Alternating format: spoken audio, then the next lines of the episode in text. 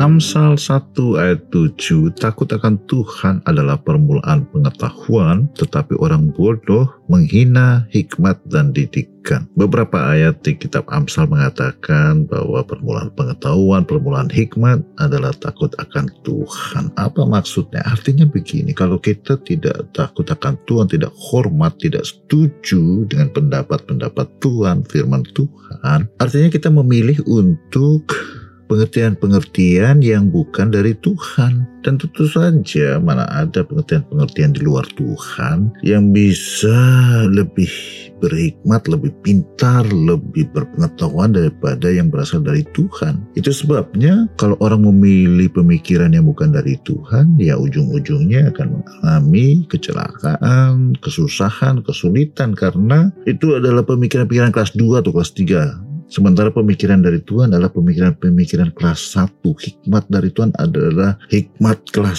1 itu yang bisa menolong orang dari segala masalah dan menjadi berhasil dalam apa pun yang dilakukan kalau menuruti hikmat tersebut, pengetahuan dari Tuhan tersebut. Sebab itu untuk menerima hikmat dan pengetahuan dari Tuhan kita harus mau membuka telinga kita seperti seorang murid yang menghormati gurunya baru dia bisa mencerna, baru bisa memahami, baru bisa mengerti apa yang dikatakan oleh gurunya dan dia bisa memiliki pengertian yang gurunya ajarkan. Demikian pula dengan hikmat Tuhan. Bila kita menghormati Tuhan, kita mau menyimak, kita mau mendengar, dan kita mendapatkan hikmat itu dari apa pun firman Tuhan ajarkan kepada kita.